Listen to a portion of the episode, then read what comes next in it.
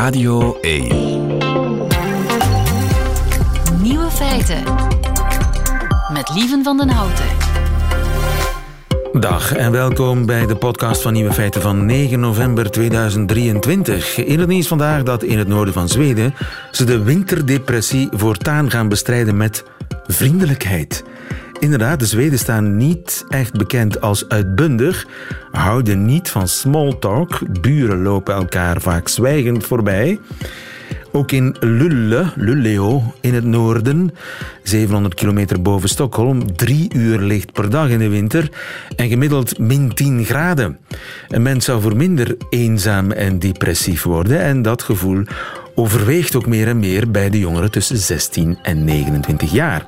Maar nu lanceert de gemeente Luleo een uh, campagne met filmpjes op de sociale media en grote aanplakbiljetten op gebouwen en bussen met de boodschap Zeg hey als je iemand tegenkomt. Een klein gebaar dat een groot verschil maakt volgens de sociale strateeg sociale strateeg, die hebben ze daar in Luleo, van de gemeente Ozakoski heet ze. IJzige Zweden gaan elkaar dus voortaan warm groeten. Dat wordt wennen. De andere nieuwe feiten vandaag. Taalnaties kunnen er niets aan doen.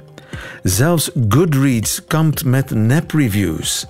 Rika Ponet helpt Kevin, die op zolder een doos naaktfoto's gevonden heeft van de vorige huiseigenaar. En muziek synchroniseert de harten in een concertzaal. Nico Dijkshoorn, zijn nieuwe feiten hoort u in zijn middagjournaal. Veel plezier.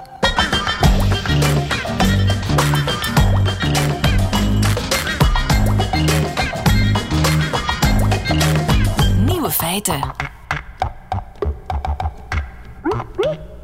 Verstandige mensen, mensen zoals u en ik natuurlijk, die gaan voor ze iets kopen de reviews checken. Dat doe je tegenwoordig. Maar hoe betrouwbaar zijn die reviews? Nathalie Dens, goedemiddag. Goedemiddag. Je bent eh, professor marketing aan de Universiteit van Antwerpen. Dat klopt. En je doet ook onderzoek naar online reviews. Ik las dat boekenwebsite Goodreads grootscheepse maatregelen aankondigt tegen neprecensies. Goodreads. Als er één brave, betrouwbare site is over boeken, dan is het toch wel Goodreads. Dus ik schrok daar een beetje van. Ja, het is zo dat inderdaad de meeste reviews die je op Goodreads vindt, die zijn ook wel betrouwbaar. Er staan meer dan 300 miljoen reviews op Goodreads, waarvan eh, de meeste effectief wel betrouwbaar zijn. Nu, de aanleiding van deze mm, nieuwe maatregel is eigenlijk dat er eh, onlangs een eh, nieuw boek verschenen is of eigenlijk de prepublicatie is aangekondigd van een boek van Elizabeth Gilbert. Dat is de auteur van Eat, Pray, Love. En dat boek zou zich, zou zich afspelen in Rusland. En er was wat, wat commotie rond, omdat veel pro-Oekraïnse uh, lezers dan vooral schrik hadden dat het boek Rusland te veel zou romantiseren. Dus eigenlijk voordat het boek is uitgekomen, zijn er een heel aantal negatieve reviews verschenen over dat boek, hoewel eigenlijk niemand op dat moment het boek al had kunnen lezen. Het was er nog niet het boek en het had toch al een heleboel negatieve reviews op Goodreads. Dat klopt. Ja, dat kan natuurlijk niet, hè? Ja, dat is natuurlijk vervelend. Maar ik wil toch wel benadrukken dat dat, dat zijn incidenten. Wij kennen dat hier in België ook. Hè. Zo had je enkele jaren geleden een, uh, een koppel dat een binnenspeeltuin uitbaat. Dat uh, nogal onsympathiek overkwam in een uh, programma waarin ze een huis zochten. En waar plots die binnenspeeltuin ook heel negatief beoordeeld werd. Um, je hebt ook het voorval hè, van de, de ouders van een van de reuzengommers die een restaurant in Antwerpen uitbaten. Die ook plots heel negatieve reviews kregen. Dus dat gebeurt wel, maar ik wil toch wel benadrukken dat dat echt een minderheid is. Dat zijn voorvallen die natuurlijk tot de verbeelding spreken en die dan ook vaak in de media terechtkomen. Maar de meeste mensen die reviews schrijven, die zijn ook wel gewoon door goeder trouw. Oké. Dus ik mag de reviews in principe vertrouwen die ik check voor ik een toestel of een boek of wat dan ook ga kopen. Je mag ze natuurlijk niet blind vertrouwen. Er zijn natuurlijk een aantal, uh, zoals de voorvallen die ik net, uh, net kom te beschrijven, natuurlijk wel illustreren, zijn er altijd nep-reviews. Um, maar ten eerste is er uh, sinds vorig jaar een nieuwe wetgeving ook binnen Europa die dat eigenlijk verbiedt. Dus eigenlijk moeten websites veel strenger controleren wat ze publiceren. Um, en daarnaast, ja, zoals ik zei, de meeste mensen zijn toch goeder trouw en die schrijven echt wel reviews omdat ze andere consumenten willen helpen bij hun keuze. Um, daarnaast, in het geval van Elizabeth Gilbert bijvoorbeeld, ja, het was een nieuw boek, dus het had nog geen recensies. En dan maken die nepreviews, dan, dan kunnen die natuurlijk impact hebben. Maar wanneer je een boek of een hotel hebt bijvoorbeeld, dat al duizenden reviews krijgt, ja, dan is de impact van zo'n één negatieve recensie natuurlijk heel klein, waardoor de incentive om die nepreviews te gaan plaatsen um, ook kleiner is. Ja, maar je moet controleren als uitbater van zo'n website of die reviews echt zijn. Hoe kan dat? Kun je in principe controleren of iets of iemand echt dat boek gelezen heeft, of iemand echt in dat hotel is geweest, kun je dat checken? Wel, dat kan Goodreads. Dus ze, maken zich daar bijvoorbeeld ook sterk in. Ze zeggen, ja, wij verplichten mensen niet om een boek aan te kopen om toch een review te kunnen schrijven. Um, maar zij, wat zij wel doen bijvoorbeeld, is meer uh, scannen op de inhoud. Dus een review die bijvoorbeeld heel vaag is, die niks zegt over de inhoud van het boek, uh, ja, die heeft dan, dan is de kans groter dat die persoon het boek niet echt gelezen heeft. Oké, dus er zijn allerlei verfijnde technieken om te checken of een review wel echt is, of een recensie wel echt Op sommige sites kan je bijvoorbeeld geen review plaatsen wanneer je niet via die site hebt gekocht. Bijvoorbeeld op Booking kan je enkel een review achterlaten als je effectief via Booking.com geboekt hebt. Op andere sites gaat het soms aangegeven worden, zoals op Amazon, ehm, dat de persoon die de review schrijft ook effectief een, wat ze dan noemen, verified buyer is. Dus dat het geverifieerd is dat die persoon een koper is via Amazon. Dus je kan naar dat soort signalen wel gaan kijken. Daarnaast zijn er, en dan heb ik het vooral over Amerikaanse websites, zijn er ook wel meer en meer softwareprogramma's die je in staat stellen om fake reviews te gaan ontdekken. Ja, en dat kan ik zelf dan die fake reviews ontdekken? Of dat is iets voor de, de website? Je zou zelf een, effectief ook zo een site uh, kunnen raadplegen, zoals FakeSpot. Maar ja, die zijn vooral geënt op Amerikaanse teksten, dus in het Nederlands is dat nog iets minder betrouwbaar. Um, maar ja, wat je zelf vooral kan doen, is goed kijken naar de inhoud ook. Hè. Ook hier, als inderdaad een review heel vaag is, ja, dat geeft je wel een indicatie van oké, hoe betrouwbaar is dat? Iemand die bijvoorbeeld laaiend enthousiast is en de naam van het product honderd keer in exact de juiste bewoording vermeldt, dat is dan misschien omgekeerd weer iemand hè, die misschien gesponsord is. Dus geeft een review bijvoorbeeld een genuanceerd beeld, zowel voor- als nadelen, dan kan dat ook een indicatie zijn dat dat een echte review is. Kopieer of plak de tekst ook eens in je browser. Vind je diezelfde tekst identiek terug op meerdere sites, ja, dat geeft je ook een indicatie dat het misschien niet helemaal betrouwbaar. Dat is een slimme tip, Nathalie. Die ga ik onthouden. Een beetje gezond verstand kan uh, wonderen doen. Nathalie Dens, dankjewel. Goedemiddag. Graag gedaan. Vraag het aan Rika.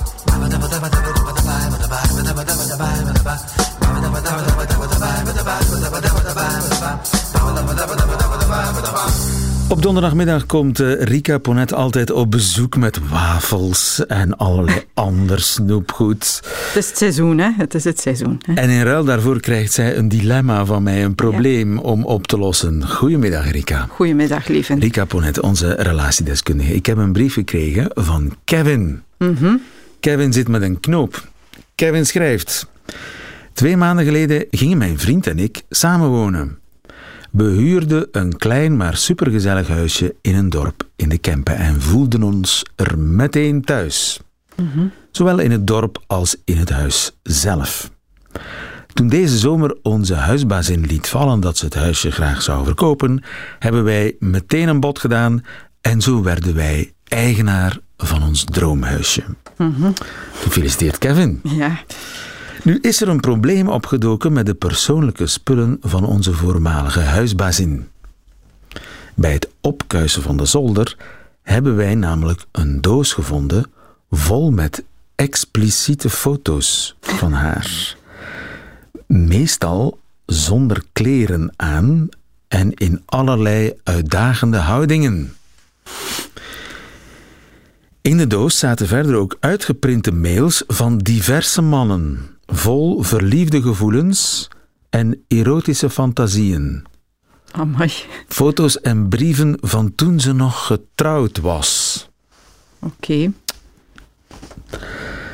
Ze is die doos duidelijk compleet vergeten, schrijft Kevin. Maar misschien ook niet. En wie weet komt ze die ooit nog wel ophalen. En wat dan? Moeten wij dan doen alsof we niet weten wat erin zit? En wat moet ik nu met die doos doen? Teruggeven, bij het oud papier zetten, verbranden? Help. Kevin. Amai. Grappig. Ja, ja, kijk. Ja. Het kan gebeuren, hè? Heb jij geen doos met pikante foto's op zolder? eh? Eh, ik heb geen zolder. ik heb geen zolder. Ze is aan het... Ja, oh, je bent toch aan het verhuizen? Ja, Vergeet ja. de doos niet, hè? Nee, Vergeet de Eh, doos ik heb niet. wel een kelderberging. En Nou, dat is toch iets wat... Iedereen heeft dat soort dingen, pikanterieën, op de een of andere... Ik bedoel... Het, ja, het- lieverd, Het lijkt ja. helemaal gênant, maar we hebben dat toch allemaal. Ehm, ja, eh, ik, ehm, ik weet niet of ik ze hier al gebruikt heb, maar ik denk het niet. Ehm, ik ben onlangs een heel mooie metafoor tegengekomen over hoe je naar mensen kan kijken. En dan is dat... ehm, Iedereen heeft een etalage en dat is wat zij kennen van die huisbazin. Hè. Ja, leuke huisbazin. eh, Vlotte gescheiden vrouw. Vlotte, vlotte gescheiden vrouw. We hebben dan ook een soort van winkel hè, waar ehm, we dan de dingen delen met mensen die we wat beter kennen, maar dat blijven zo de heel acceptabele of sociaal acceptabele dingen. En dan hebben we ja, in plaats van een zolder of eh, mijn kelderverdieping dan een magazijn. Zo werd het omschreven. En dat is eigenlijk de plaats waar dit soort van dingen zich afspelen, de zaken waar we van weten, als we daarmee naar buiten komen, dat die ja, niet zo acceptabel zijn of niet zo sociaal aanvaard, of waar we zelf bepaalde gevoelens van schaamte rond hebben. Ja. Nu, voor alle duidelijkheid, ehm, dat is vooral een inschatting van hun kant. Hè. Weten wij veel of die vrouw schaamte heeft over die doos ehm, met foto's? Wat ik mij als vraag stel in eerste instantie is, stel dat het een doos is met gewone familiekiekjes, wat zouden we dan doen? Stel dat het... Ik, Dan pak je je telefoon Voilà. en dan zeg je... hey, ik heb hier nog een doos met... eh, ja, met materiaal, persoonlijke, gegeven, persoonlijke dingen van Ja. eh, wil jij die? Hè? Of wil jij die nog? Of eh, geven wij die gewoon mee met het oud papier? Wat houdt hen eigenlijk tegen om dat met deze doos ook te doen? Ja, het, het zou kunnen dat die vrouw zeer gegeneerd is. Ik twijfel daar eigenlijk aan. Iemand, één die ehm, gewoon denken, ze is dat vergeten. Ik bedoel, meestal vergeten mensen niet wat in hun eh, magazijn staat. Eh, Dat is hetgene wat je heel graag verborgen wil houden voor de buitenwereld. Dus Wie jij weet- denkt dat ze dat min of meer bewust heeft laten staan in de hoop die Of jongens daar te, dat- be- te bekeren. Dat zou misschien wel kunnen. Wie weet eh, ervaart ze dat als zeer kinky. Hè? De gedachten die gaan daar opvallen en eh, wat gaan ze daar nu mee doen? En zit zij eigenlijk ja, een, beetje, een beetje gespannen eh, te wachten van ja, wat voor reactie ga ik nu krijgen? Wie Wie, weet, weet, wie het weet zou vindt kunnen. ze dat heel kinky, ja. Maar misschien is het ook een ander verhaal. Ehm, ja, ik zie in mijn praktijk toch nogal wat mensen, zeker op rijpere leeftijd, die ehm, ja, zo in de plooien van hun bestaan dingen hebben gedaan of dingen doen. Eh, waar, ja, waar de doorsnee man of vrouw misschien wel van verschiet, of ook niet, maar waar eigenlijk niet over gesproken wordt, maar wat wel gebeurt. En dit hoort daarbij. Wat eigenlijk in elke straat gebeurt. Misschien wel in elk huis gebeurt. Zeker wat er vandaag allemaal op social media gebeurt, of wat mensen met elkaar uitwisselen, massa's van die dingen.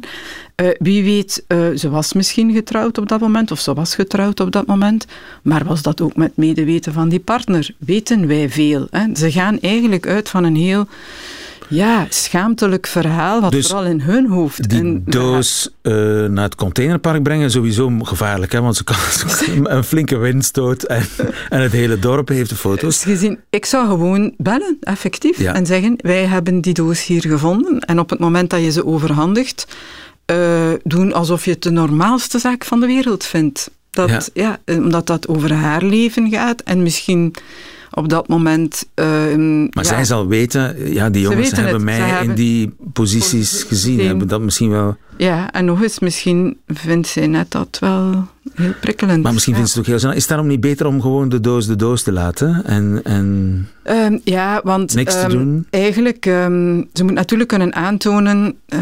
ik geloof als je huurt en of een huis koopt en daar zit inboedel in die je vindt, dat dat ook zo schatten vinden en zo, dat dat eigenlijk niet van jou is. Hè? Dat, dat mensen dat kunnen komen opeisen. Juist, ja.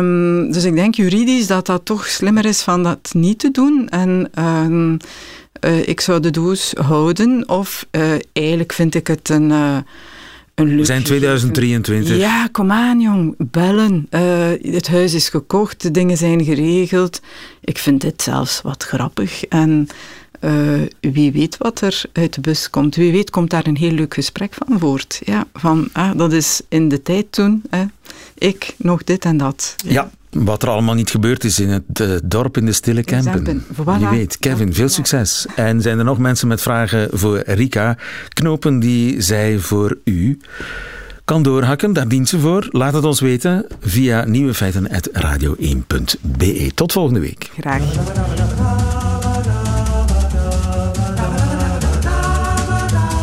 Nieuwe feiten.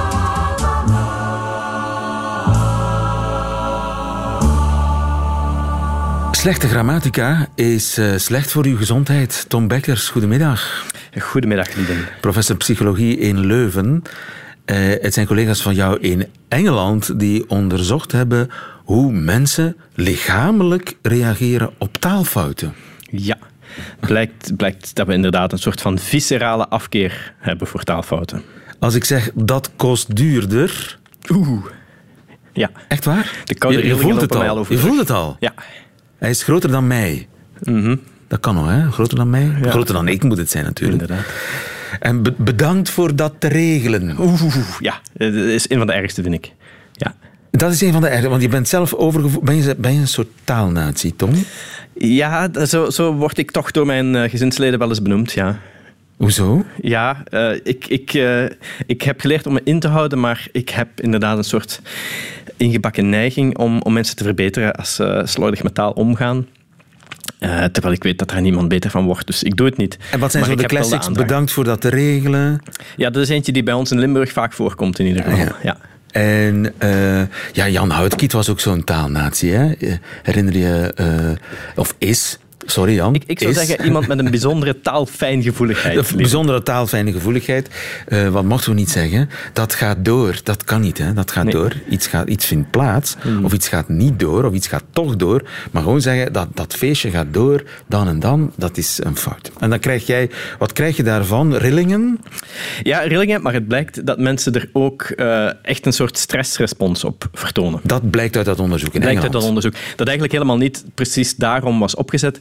Het onderzoek was eigenlijk opgezet om te proberen om een soort gewoon een soort van automatische maat te ontwikkelen voor de mate waarin mensen gevoelig zijn voor grammatica. Grammaticale kennis bezitten, eigenlijk. Zo was het begonnen. Oké. Dus wat die uh, auteurs gedaan hadden, die onderzoekers gedaan hadden, die hadden een hele hoop deelnemers fragmenten laten horen, uh, uitspraken, die door andere mensen waren opgenomen. Mensen, eh, de, zowel de deelnemers als de mensen die die fragmenten inspraken waren Engelsen die gewoon in hun moedertaal spraken. En er waren mannenstemmen, vrouwenstemmen, maakt niet uit. Maar die fragmenten die waren zo getweakt dat ze ofwel grammaticaal perfect waren, ofwel een aantal grammaticale fouten bevatten. Mm en wat blijkt dan? Als je mensen laat luisteren naar fragmenten die grammaticale fouten bevatten, dan vermindert hun hartslagvariabiliteit. En is dat slecht? Dat is niet goed, lieven.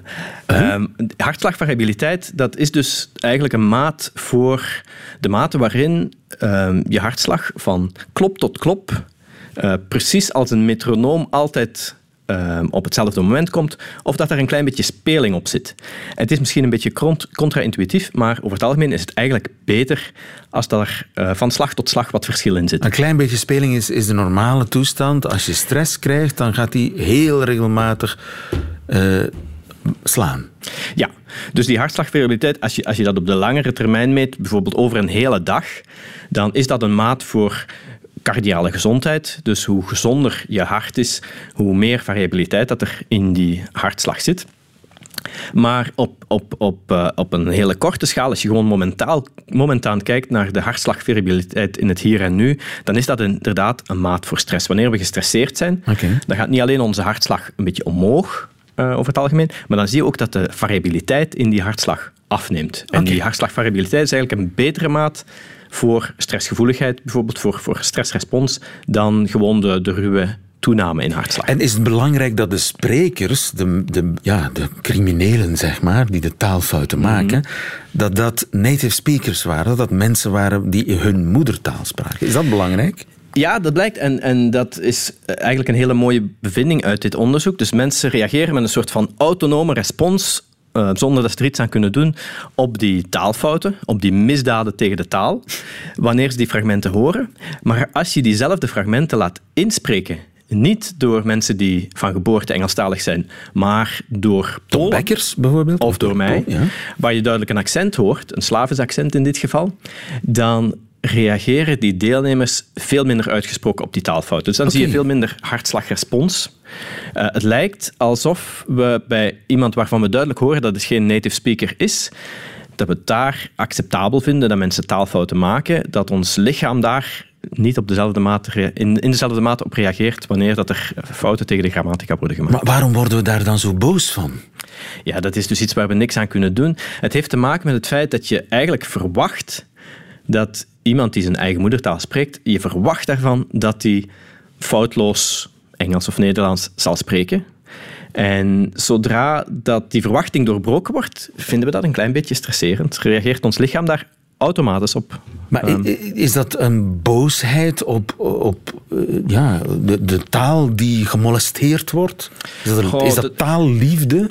Het hoeft niet per se taalliefde te zijn. Nu, dat is in dit onderzoek nog niet echt uitgeplozen. Ze hebben hier gewoon gekeken op groepsniveau. Bij al die deelnemers zie je gemiddeld genomen dat hun hartslagvariabiliteit afneemt hoe meer grammaticale fouten er gemaakt worden.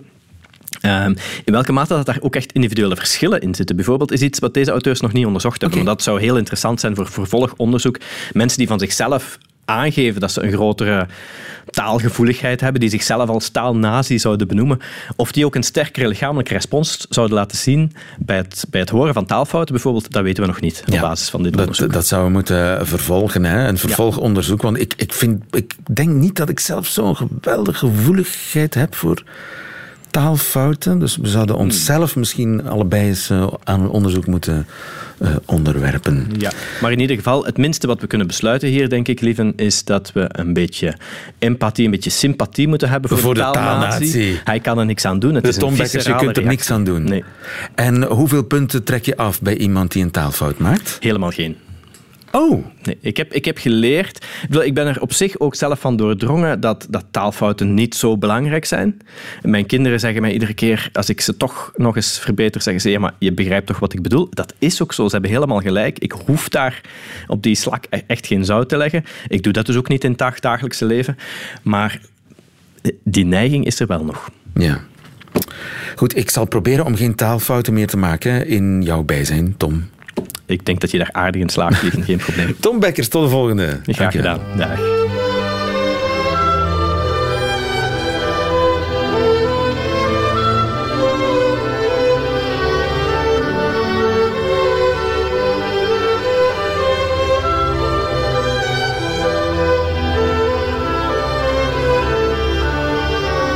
Ik heb altijd de neiging om erbij te gaan liggen als ik dit hoor. Er gebeurt toch iets met je lijf, hè?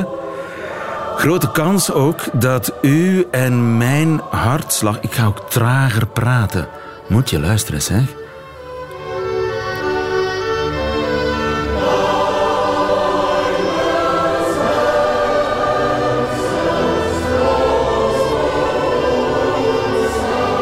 Wat ik wou zeggen, grote kans dat u en mijn hartslag nu samen slaan, gaan synchroniseren.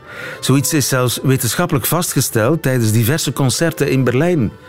Goedemiddag, Mark Leman. Goedemiddag. U bent uh, hoogleraar muzikologie aan de Universiteit van Gent. En in Berlijn is onderzoek gedaan in uh, de concertzaal, hè? Dat klopt. Ze hebben mensen allerlei toestellen aangegord en riemen en, en meetapparatuur. Wat hebben ze gemeten?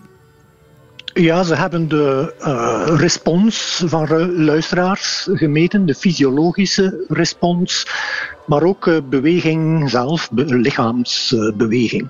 Oké. Okay. En uh, ja. Dus dan hebben we het over ademhaling, dan hebben we het over hartslag, dan hebben we het ook over hoe ze in hun stoel zitten te bewegen, letterlijk. Ja, ja en ook huidgeleiding. Huidgeleiding? Dus, ja, als, als je meer uh, zweet, dan verandert uh, die. Dus die is ook uh, gemeten. Dus vooral hartslag inderdaad, ja. ademhaling, huidgeleiding. Ja. En kun je daar en, kippenvel mee meten ook, met huidgeleiding? Dat registreert wel toch iets in, in, dat verband, zeker. Ja. Ja, ja. En de bedoeling was om te meten of die bewegingen of die simultaan verlopen bij alle aanwezigen in, het concertzaal, in de concertzaal. Ja. In, inderdaad, uh, dat is nu niet uh, wereldschokkend uh, nieuw. Maar wat wel nieuw is, is dat ze dat gedaan hebben echt in een concertzaal en niet, niet in het labo. En ze hebben dat gedaan met ongeveer 120 participanten, wat, wat redelijk is in aantal. Ook met drie verschillende stukken klassieke muziek. Ja. dat waren strijkkwartetten. Dus ja, de, op dat vlak is het, is het wel. ze hebben het echt wetenschappelijk aangepakt. En wat blijkt? Ja, wat blijkt, dat, dat is dat dus luisteraars een synchroniciteit vertonen in hun responsen. Vooral dus van hartslag en van huidgeleiding, iets minder van ademhaling.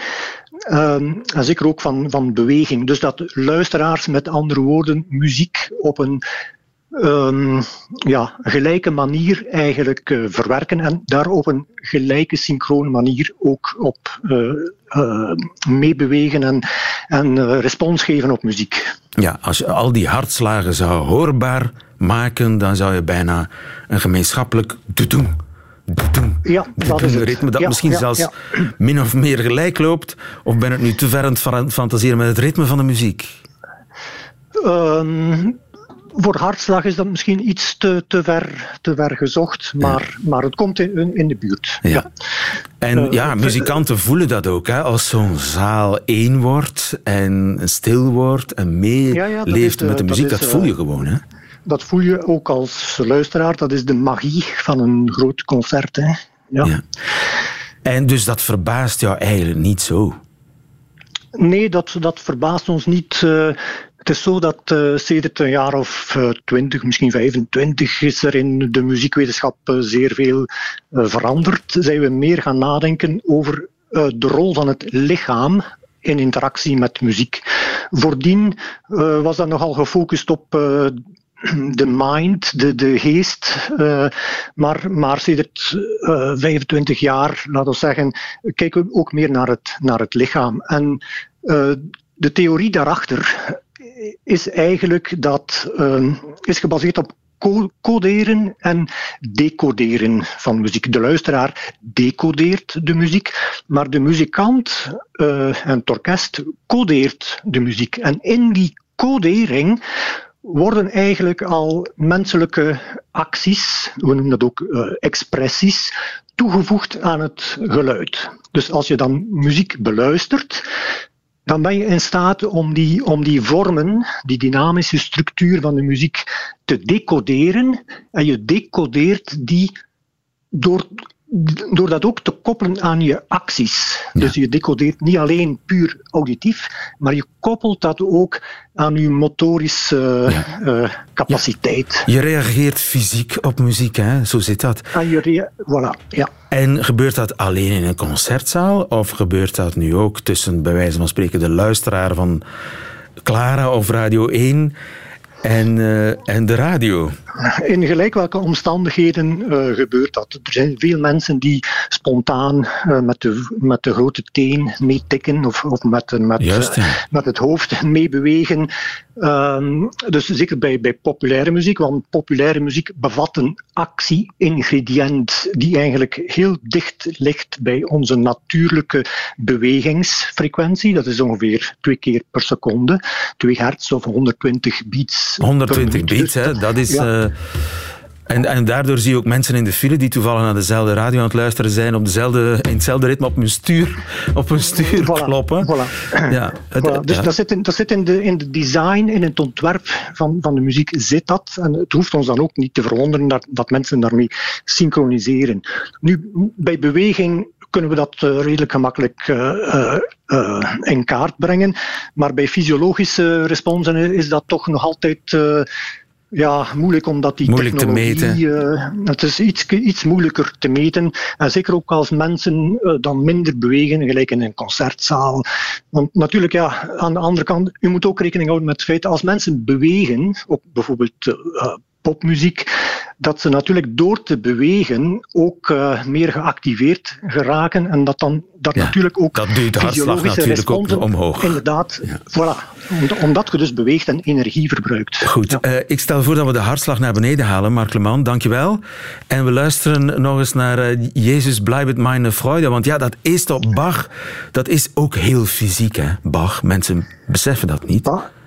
Bach is, is zeer fysiek en daar zitten zeer veel uh, dansritmes in, in Bach. Dus je hebt, uh, of ik toch, maar veel mensen denk ik hebben altijd de beweging om, om daar echt een soort van uh, choreografisch bijna op te bewegen. Het is, het is, niet alleen op en neer, maar het, het is echt een, een structuur dat je dus, ja. waarop dat je beweegt. Ik heb wel het gevoel, dat, ik, ik heb het gevoel om heel traag mee te draaien bijna als een wereld op zich bij deze Jezus blijft mijn freude. Door het Hulster gemengd koor. Mark Clement, dankjewel. Goedemiddag. Graag gedaan.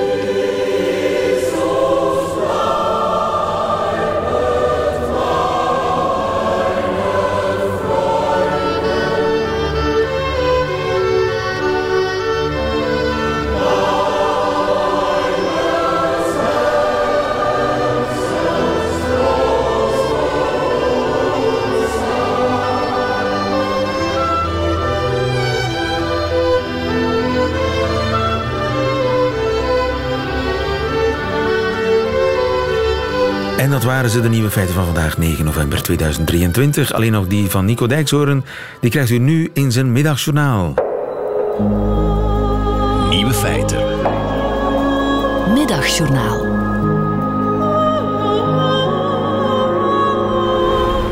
Beste luisteraars, laat ik gewoon maar meteen met de deur in huis vallen.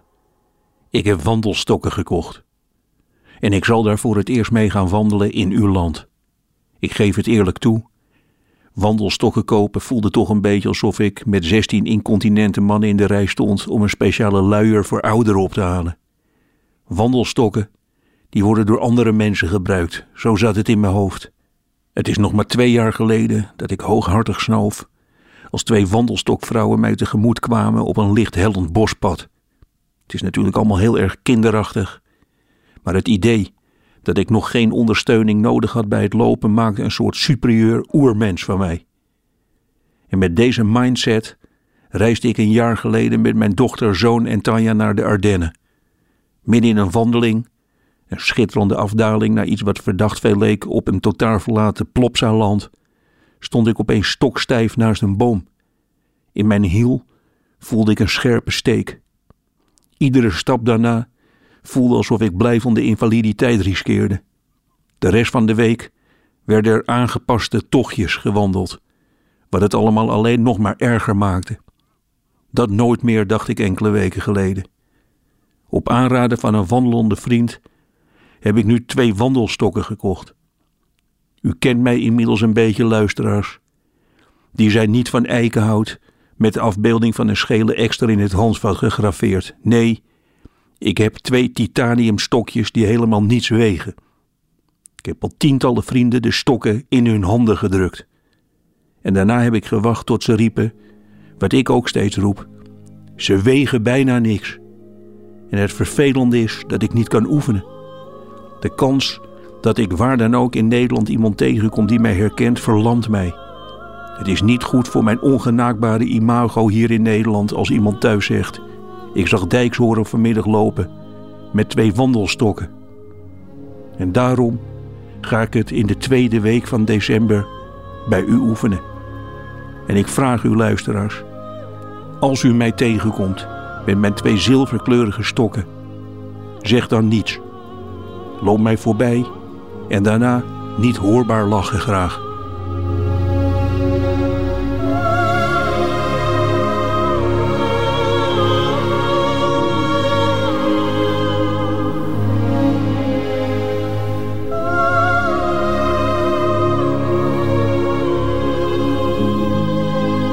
Middagjournaal met Nico Dijkshoorn. En dat beloven we natuurlijk allemaal heel plechtig, Nico.